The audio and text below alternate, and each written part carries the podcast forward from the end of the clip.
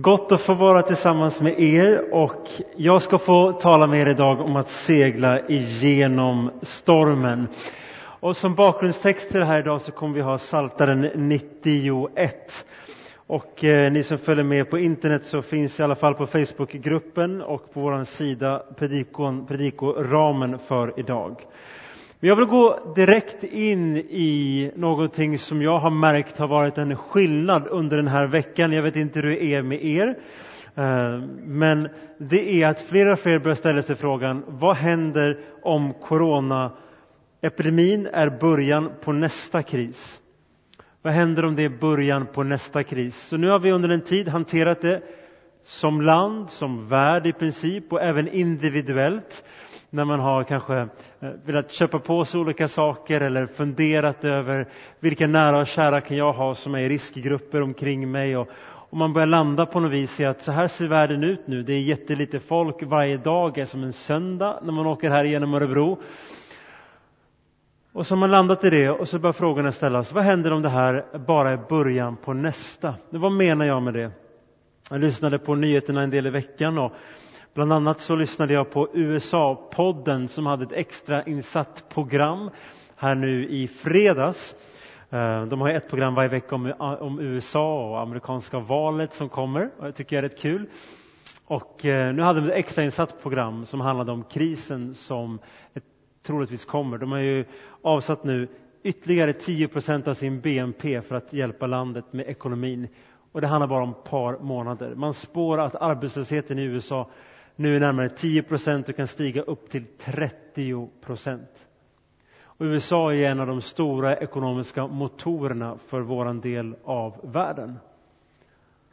Vad händer om den krisen vi ser början på nästa kris? Vad händer med dig? Vad händer med oss? Hur tänker du hantera det?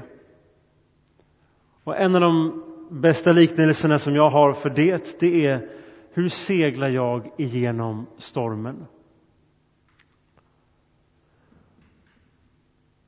Vädret ute till havs, det kan till och med vara på en sjö, kan ändras blixtsnabbt.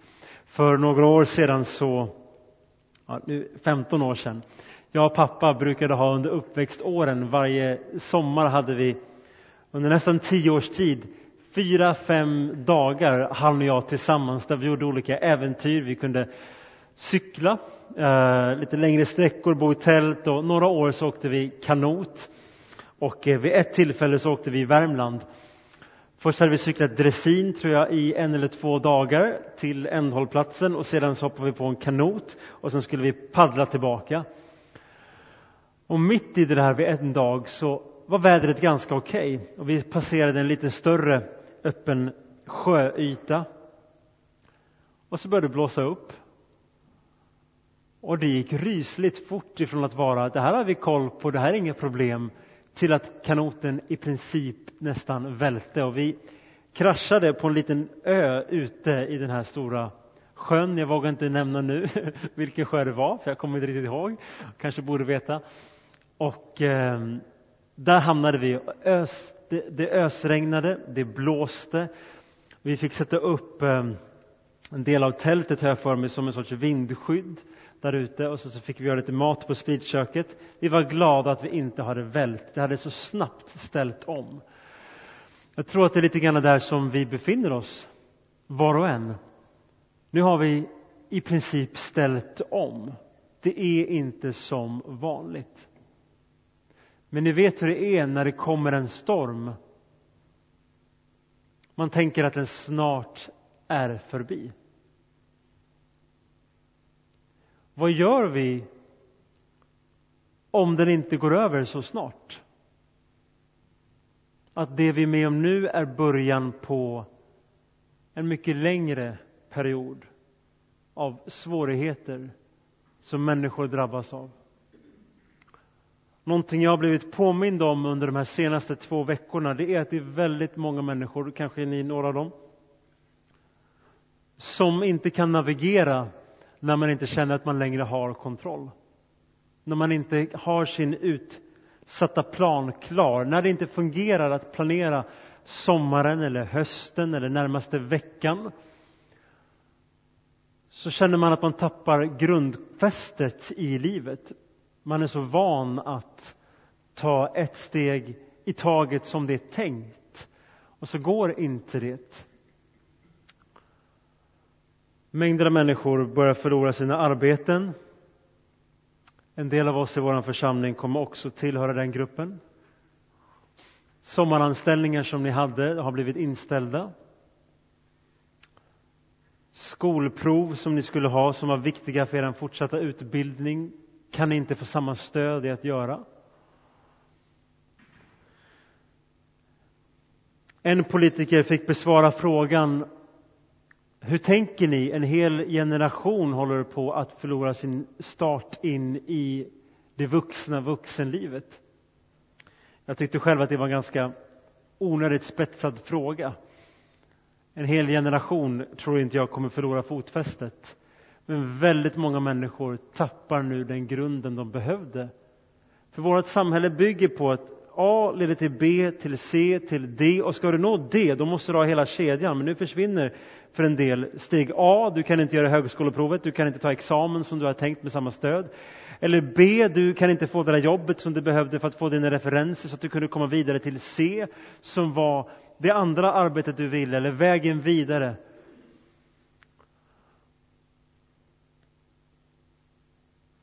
Jag vill få läsa en bibeltext för er som är Saltaren 91. Ni har den på baksidan av bladet, ni som är här i kyrkan. Och annars kan ni ju googla fram den på bibeln.se, så finns Saltaren 91 där.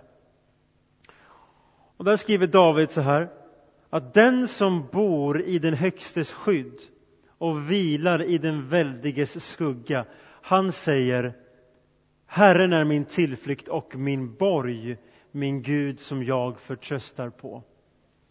Den som bor där, och då, då kommer första frågan då, var bor jag någonstans? Det vill säga, var hör du hemma? I dina tankar, i ditt hjärta, i din tillvaro? Vad är ditt hem? Är ditt hem din karriär? Är ditt hem att din respektive mår bra, vilket den personen kanske inte gör när den personen förlorar sitt jobb? Är din trygghet din hälsa och nu är du jättenervös att den ska bli skadad av detta, för din grund i ditt liv, där du bor, i dina tankar, i din själ, är i din hälsa. Var bor du någonstans? Och här får vi ett första ord. Att den som bor i Guds skydd, han säger min Gud förtröstar jag på. Och nu kommer själva fortsättningen som utmanar den här tillflykten mer än de flesta av oss kan tänka sig. Det här är ingen liksom one-liner som han säger och som en lätt passerar revy. Det är ingen klatschig klyscha. För fortsättningen här är helt makalös. Han säger att Gud räddar dig från jägarens nät och från den förhärjande pesten. Det är inga småsaker. Det ena handlar om personlig attack emot dig. Det andra handlar om en epidemi som påverkar alla. Han, det vill säga Gud, täcker dig med sina vingar. Under dem finner du tillflykt. Hans trofasthet är en sköld och ett bålverk. Du behöver inte frukta nattens fasor eller pilen som flyger om dagen. Inte pesten som smyger i dunklet eller farsoten som härjar i middagshettan. Här tar han med hela livets omständigheter. Om du drabbas av oro, då blir det lätt så på natten att problemen blir större. Tusen kan falla bredvid dig, står det här. Tusen kan falla bredvid dig, ja, tiotusen vid din sida, men du skall inte drabbas. Du ska själv få bevittna hur de gudlösa får sitt straff. Din tillflykt är Herren. Du har gjort den högste till ditt värn. Inget ont skall drabba dig, ingen olycka komma nära ditt hus. Gud, han skall befalla sina änglar att skydda dig var du än går. De bär dig på sina händer så att du inte stöter foten mot någon sten. Över lejon och ormar går du fram, du trampar på vilddjur och drakar. Den här beskrivningen vill ju innefatta livets allra mörkaste stunder. Allt det svåraste som du kan ta och skriva ner. Om ni skulle göra en övning nu och skriva på en lista. Vad är det värsta som du kan vara med om de närmaste åren? Så börjar du skriva ner det värsta. Jag kan förlora mitt jobb. Jag kan få en dödlig sjukdom. Människor jag älskar kan få en dödlig sjukdom. Mina vänner kan förlora sitt jobb. Mitt hus brinner ner. Ekonomin kollapsar, det blir en diktator. Alltså vad det nu är som är det värsta som du kan lyckas tänka ut med dina hjärnspöken har ju han försökt att systematisera här. Tusen dör, tiotusen dör, det kommer pest. Någon vill personligen attackera dig. Du har ångest på nätterna. Du är rädd på dagarna. Det kommer lejon, det kommer ormar, det kommer vilddjur, det kommer drakar. Alltså, vad är det absolut värsta du kan tänka dig på? Ibland missuppfattas kristna, men det är för snälla. Det är för de svaga. Grejen är det att ibland är alla människor svaga. Och då är frågan, var finner du kraft till det? Var finner du kraft? Och vad har du för kraft att ge till någon annan som saknar kraft när du själv saknar kraft? Ganska viktiga frågor, eller hur? Och så kommer slutklämmen här som är fantastiskt fin och utmanande. Och det är att David skriver här en omvänd liksom, ett samtal där Gud säger till, till, till dig, så står det så här. han, det vill säga du och jag, håller fast vid mig, säger Gud, och jag räddar honom. Jag skyddar honom, ty han känner mitt namn. Han åkallar mig och jag svarar honom. Jag är med honom mitt i nöden. Jag befriar honom och ger honom ära. Jag skall mätta honom med ett långt liv och låta honom erfara min hjälp. Men vet ni vad som är den gyllene tråden här i den här texten? Det är att du är involverad. Gud säger, han åkallar mig och jag svarar honom. Jag skyddar honom för han känner mitt namn. David skriver också, du behöver inte vara rädd för pesten därför att under Guds vingar finner du tillflykt. Din tillflykt är Herren, det vill säga du befinner dig utanför skyddet och du kan fly till, tillflykt, fly till Gud. Så att du har en jätteviktig fråga att ställa dig själv. Och det är vad gör du om den krisen vi ser nu är långvarig och leder till en till, ännu oväntad sådan. Ja, men än så länge har det gått ganska bra. Ja, vad gör du när det som du har byggt upp inte kanske fungerar längre? Så jag vill få tala med dig om att segla igenom stormen. Det första jag vill säga är att du behöver inte vara rädd. Du behöver inte vara rädd. Bibeln säger över 300 gånger, någon har sagt att det är 365 gånger, en gång för varje dag. Jag vet inte. Där det står i Bibeln, mer eller mindre ordagrant, du behöver inte vara rädd. Varför då? Ja, därför att Gud säger, det vi precis läste, ni har bibelversen framför er, därför du behöver inte frukta. Du behöver inte vara rädd, för du behöver inte vara fruktan inför det värsta som kan komma att hända dig. Varför då? Därför att Gud är ditt beskydd. Ni ser en bild här på, på en eh, man som är seglare. Jag vet inte om det syns där. Eh, han heter Sebastian Näslund och är en av Sveriges mest kända seglare. Han byggde en egen båt hemma som fick namnet Arandir. Han byggde en båt som är fyra meter lång. Alltså fyra meter lång, det är två gånger mig, det är inte långt. Och sen seglade han över hela Atlanten, från Amerika till Europa. Själv. Själv. Han har skrivit en bok.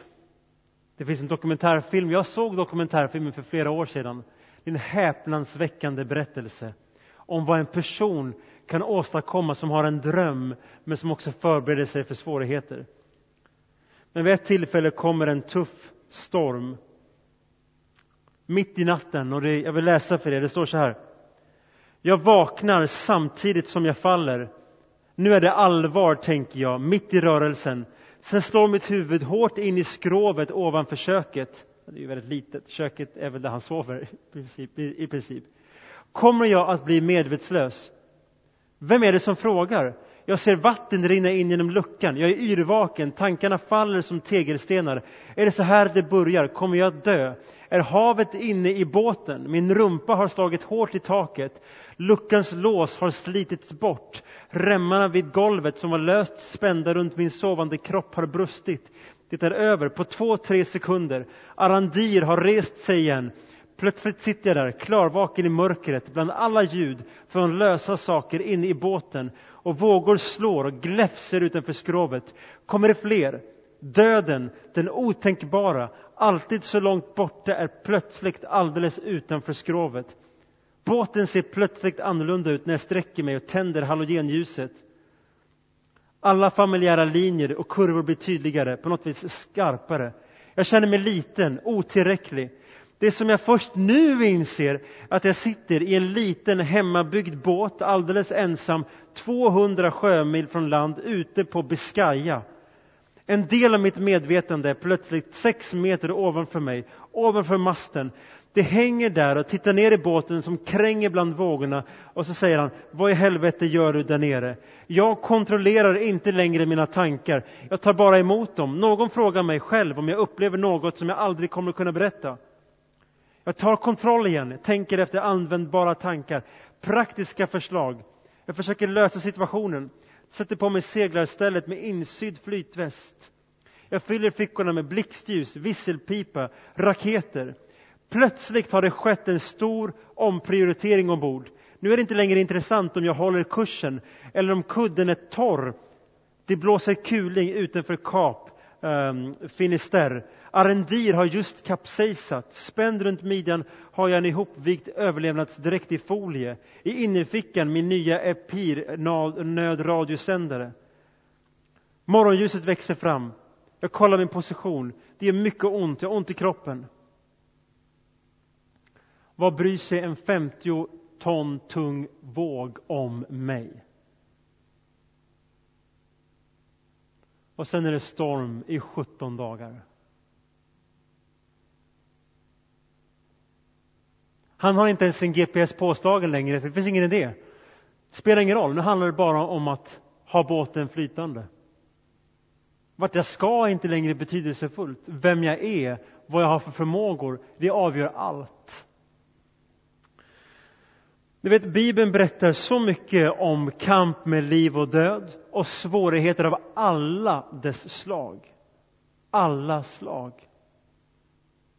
Psaltaren 91 som vi läste nu, där finns det med.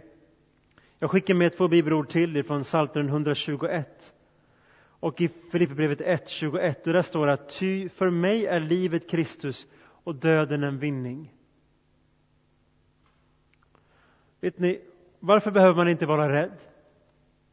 Därför det står i Bibeln att Gud bevarar min själ. Att jag lever är tack vare honom. När jag dör möter han mig. Vad är det värsta som kan hända? De flesta skulle skriva döden på listan. Det värsta som kan hända är att dö. Men, men jag lever ju redan, jag kommer aldrig dö. Jag är ju evigt sammanknuten med Kristus. Han bor i mig. Jag är en evig varelse. Evigheten den pågår här och nu. Vi har en altarring som är en halvcirkel. Och det är inte för praktiska skäl att vi har en halvcirkel. Vi har en halvcirkel vi tänker att den andra halvcirkeln är i himlen. De firar sin måltid med Herren kontinuerligt, lever i full gemenskap med honom. Och, och det är som en symbol för oss. Livet pågår nu, men evigheten pågår också här och nu. Vad är du rädd för? Du behöver inte vara rädd, säger Bibeln, därför att Gud har allting under kontroll. Till och med din död är i hans hand. Och då kan livet vara desto mer. Jag har en övning till er som ni kan göra hemma, om ni önskar. Och det är att jag har gjort en mening till er där det står jag vill och sen så är det en tom ruta och sen står det men tvekar på om jag har förmågan. Jag vill byta jobb, jag vill be mer, jag vill knacka på min grannes dörr, jag vill återupprätta en brusten relation. Jag vet inte vad du har som du tvekar på, men jag tvekar på om jag har förmågan. Kriser, de gör att allting som du hade tänkt, de ändras liksom i sitt perspektiv som han skrev. Alla omprioriteringar är nu gjorda. Med stor sannolikhet så får du förlorad inkomst närmaste ett eller två åren. Eller människor omkring dig har det. Dina fonder kan gå, gå upp och ner, det kommer svaja något otroligt. Ett fantastiskt tillfälle att fundera på, vad gör jag nu? Vad gör jag nu? Därför skickar jag med den frågan till er. Vad är det du vill göra men du tvekar på om du har förmågan och därför har du ännu inte gjort det? Nu är absolut ett gott tillfälle att göra det. För det stormar. Så det första är för att segla genom stormen, är att du behöver inte vara rädd och du får inte vara rädd om man får spetsa till det lite grann. Om du inte är rädd, då hittar du vägen fram. Men jag är rädd Jonas. Jag, jo, men vi tar vår rädsla till Kristus och han är vår trygghet. Det är inget nederlag som kristen att vara rädd. Det är bara det att jag ägs ju nu av Kristus och därför är mina rädslor Kristus bekymmer. Om det bara handlar om dig själv och du och ingen annan, då är det ju naturligt så att alla problem, de är dina problem att lösa. Men om du är ägd av någon annan, då är problemen den ägaren när du inte längre klarar av det. Var och en som är anställd har en chef. Chefen har en chef och till slut så finns det en styrelse. Vad gör man om man inte klarar av de problem man har? Som är kopplat till sitt arbete. Och då finns det någon till där, eller hur? Kom ihåg det. Det är skälet. Det andra jag vill uppmuntra dig för att segla genom stormen, det är att våga älska okända människor. Att våga älska okända människor. Kriser tar fram det bästa och det sämsta hos människor. Du kanske inte upplever att du har någon kris än så länge. Men många omkring dig har det.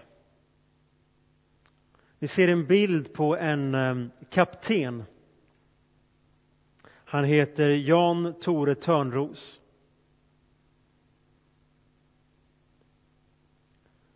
Den natten som Estonia sjönk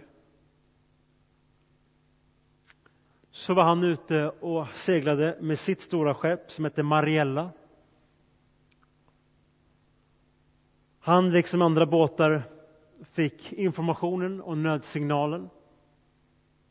Just då låg han och sov, men de väckte honom snabbt på, på fartyget där han var kapten. Och han frågade vilken båt var det. Och när han fick höra att det var Estonia så blev han ju fruktansvärt bedrövad, för han visste att det var en stor passagerarfärja. Och han styrde om båten genast, väckte upp personalen av naturliga skäl och rusade dit. De var den första båten på plats. De kom dit, om det var efter en halvtimme, timme, jag vet inte. De var först dit. När de kommer dit så märker de att båten är borta.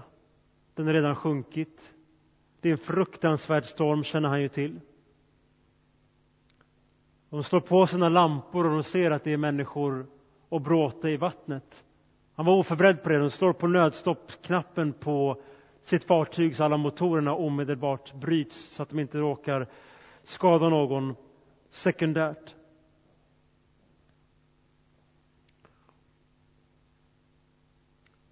Han blev intervjuad 2019 igen därför att det var en årsdag då. Han berättar, vi gjorde allt i vår makt.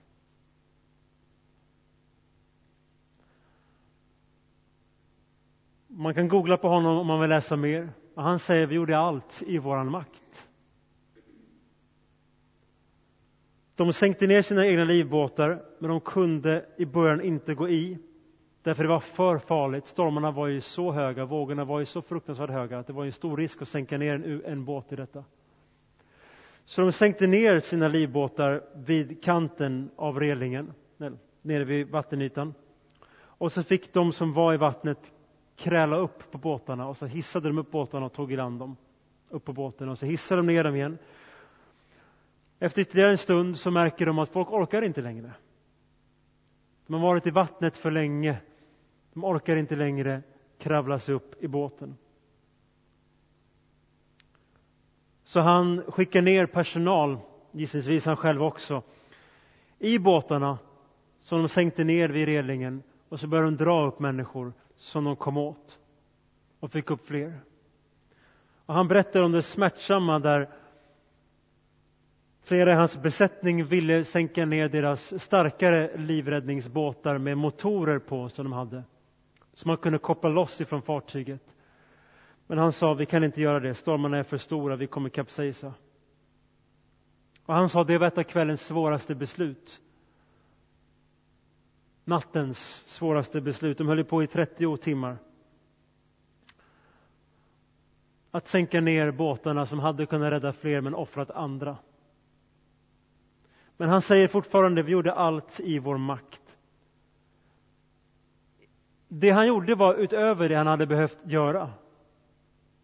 Det människor gjorde på den kvällen på hans fartyg hade de inte behövt göra, men de drevs av att de älskade okända människor i nöd. Bibeln säger så här, Jesus, Gud säger i den texten vi läser att jag räddar honom, jag skyddar honom för han känner mitt namn. Ibland undrar vi, vågar jag gå utanför det jag känner mig trygg med? Gud han har lovat att rädda dig och skydda dig för du känner hans namn. Och det här är drivkraften för vårt coronavolontärteam som har fördubblats den här veckan. Ungefär 30 människor är anmälda nu. Det är fantastiskt. En del av er är säkert med. Och vi har ett gatuteam nu som vi har testat en del för att människor ska se vår tidigare närvaro runt kyrkan och möta människor som har oro. Även erbjuda människor att kunna få information om vårt arbete för att kunna få hjälp. Vi har även den här veckan bestämt oss för att ha ett företagsteam där vi kan besöka alla företagare som finns omkring vår kyrka. Det är ett antal mindre företag gissningsvis framför allt. Men det kanske finns några större som vi inte har koll på än så länge. Besöka dem, uttrycka vårt stöd, att vi ber för dem och om det finns någonting vi kan göra så vill vi stödja dem. Därför, jag fick veta i förra veckan, eh, nu när vi är med i, i eh, Stadsmissionens ledningsgrupp för hjälparbete i Örebro kommun, att en tydlig riskgrupp är egenföretagare som har spenderat kanske 10, 15, 20 år på att investera hela sitt liv och sin kapacitet i att bygga upp ett företag för att kunna försörja sin familj eller nå sin livsdröm. Och allting håller på att raseras. Ni har säkert sett om att Skansen i Stockholm är en månad ifrån konkurs nu. Alltså, stora etablerade institutioner. Vad händer inte då med de små företagen? Jag minns jag läste under Gudrun-katastrofen, stormen. Det var ganska många som tog livet efter ett tag när de såg hur mycket de hade förlorat. Så att om du är inblandad inom företagsarbetet, vare sig du är med i vår kyrka eller ser det här online, så anmäl dig. Om du bor här i Örebro så kommer du få gå med mig eller vår andra präst Sylvester. Vi ska besöka alla företag, är drömmen och visionen knacka på deras dörr eller ringa dem eller lämna en lapp, på något vis ta kontakt som är tillåtet och säga att vi förstår den nöd ni ser inom just nu. Vi vill se er, vi vill göra vad vi kan, vi vill älska okända människor.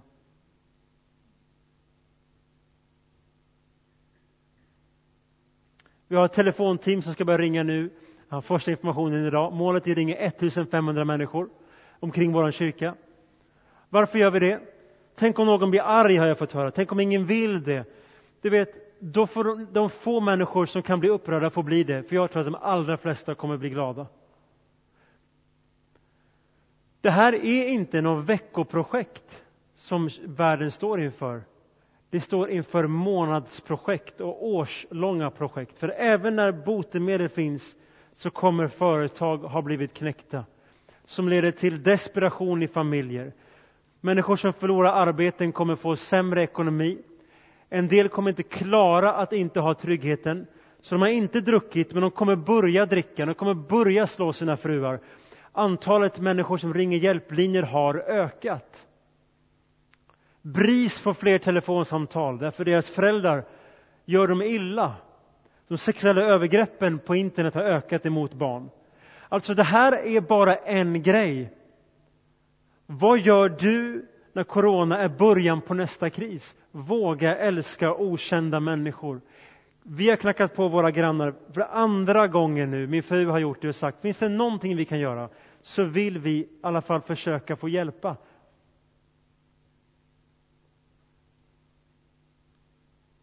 Jag har en övning till er också här, som finns på pappret. Och det om ett år så är min story, din berättelse, att coronavåren 2020 så, fyller i, tjänade jag andra människor genom att, eller jag tog vara på den här krisen med Kristus genom att. Vad vill du, ska, vad vill du kunna berätta för dina barn eller barnbarn eller människor om 10-20 år att våren 2020 gjorde jag det här. Bibeln har en förfärlig berättelse om den barmhärtige samariten, det vill säga det är en man som är ute och går, han blir överfallen av rövare, han blir slagen. Först kommer en, en, en skriftlärd, det vill säga en, en, krist, en judisk kristen person, visste allt hur man skulle göra, hade god etik, du behöver inte vara kristen för att ha en god etik också, du kan ha den då. Det var besvärligt, så de gick förbi. Sen kommer en präst Äh, det här passerar inte in i min plan, jag kan bli blodig, jag kan bli smutsig, det här kostar på. Och gick runt. Sen kommer en, en samarier, det vill säga en sån som ingen tyckte om. Vem tycker du minst om? Vilken typ av människor? Och säger Jesus, den personen stannade, lyfte upp den nedslagne, plåstrade om den personen, tog den till ett värdshus och betalade allt. Men den skriftlärde och prästen med pengar gjorde inte det. Vad var skillnaden mellan de två, eller de tre?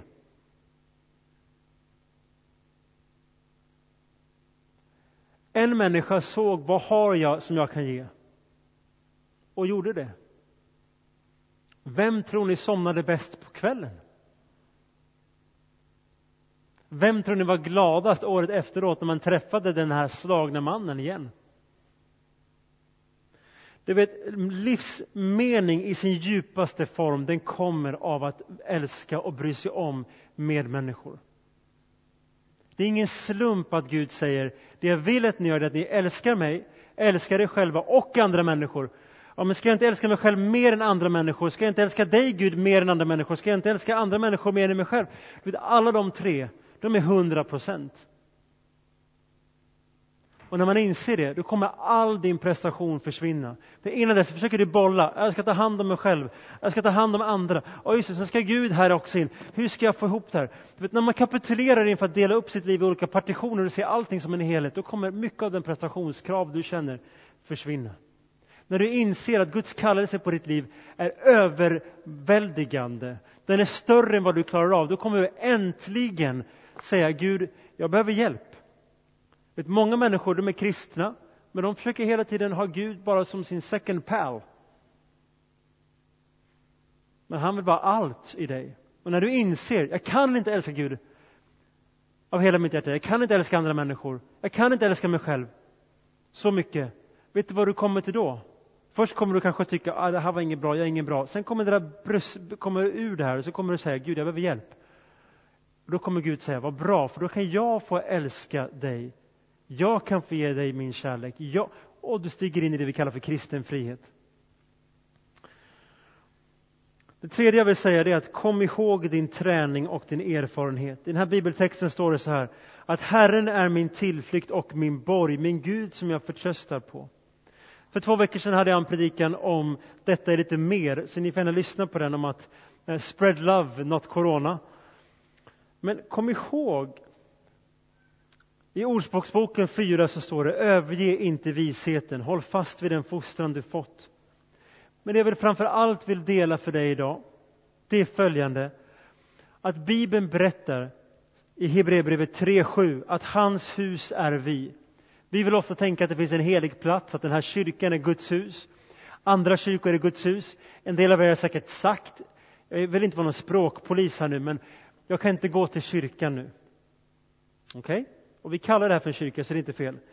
Men så länge jag vill att du förstår att djupast sett är det du som är kyrkan. Det finns inga heliga platser längre. Det finns bara heliggjorda människor. Det finns inga heliga. Jag kan inte gå till kyrkan nu, men där du är, där är Gud. Paulus skriver i Andra Kolosserbrevet, Kolosserbrevet 3 att ni är ett brev från Kristus skrivet med den levande Gudens ande på tavlor i levande människohjärtan. Vi vill ofta tänka att andra människor har Gud tänkt mer om. Han gör någonting gott och han har skrivit ner sitt viktigaste på papper och det får man på en särskild plats. Men Bibeln berättar att du är ett brev från Kristus. Vad gör man med brev? Varför är du ett brev? Därför brev skickar man till någon annan människa. För att ge uppmuntran, uppmuntran och välsignelse. Ni är ett brev skrivet av Guds ande. Gud bryr sig om dig.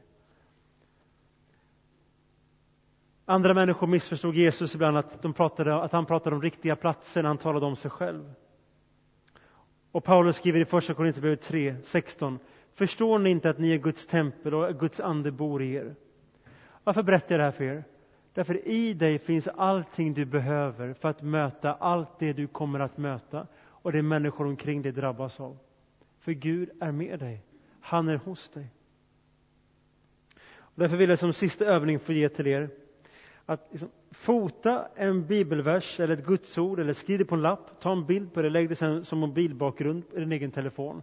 Så att du varje gång sätter på din telefon och påminns om någonting gott.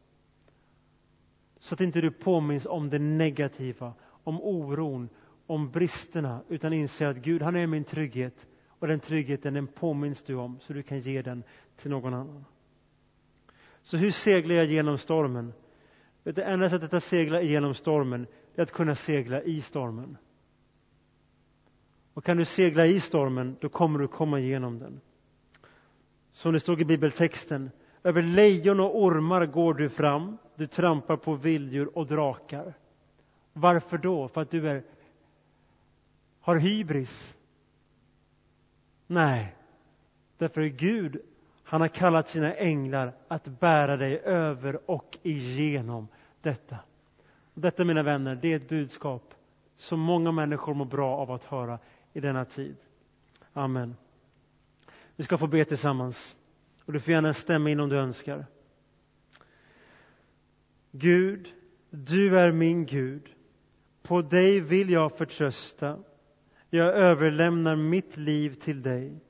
Vägled och fyll mig med mod, kraft och kärlek. Och tack att du bevarar mig. Amen.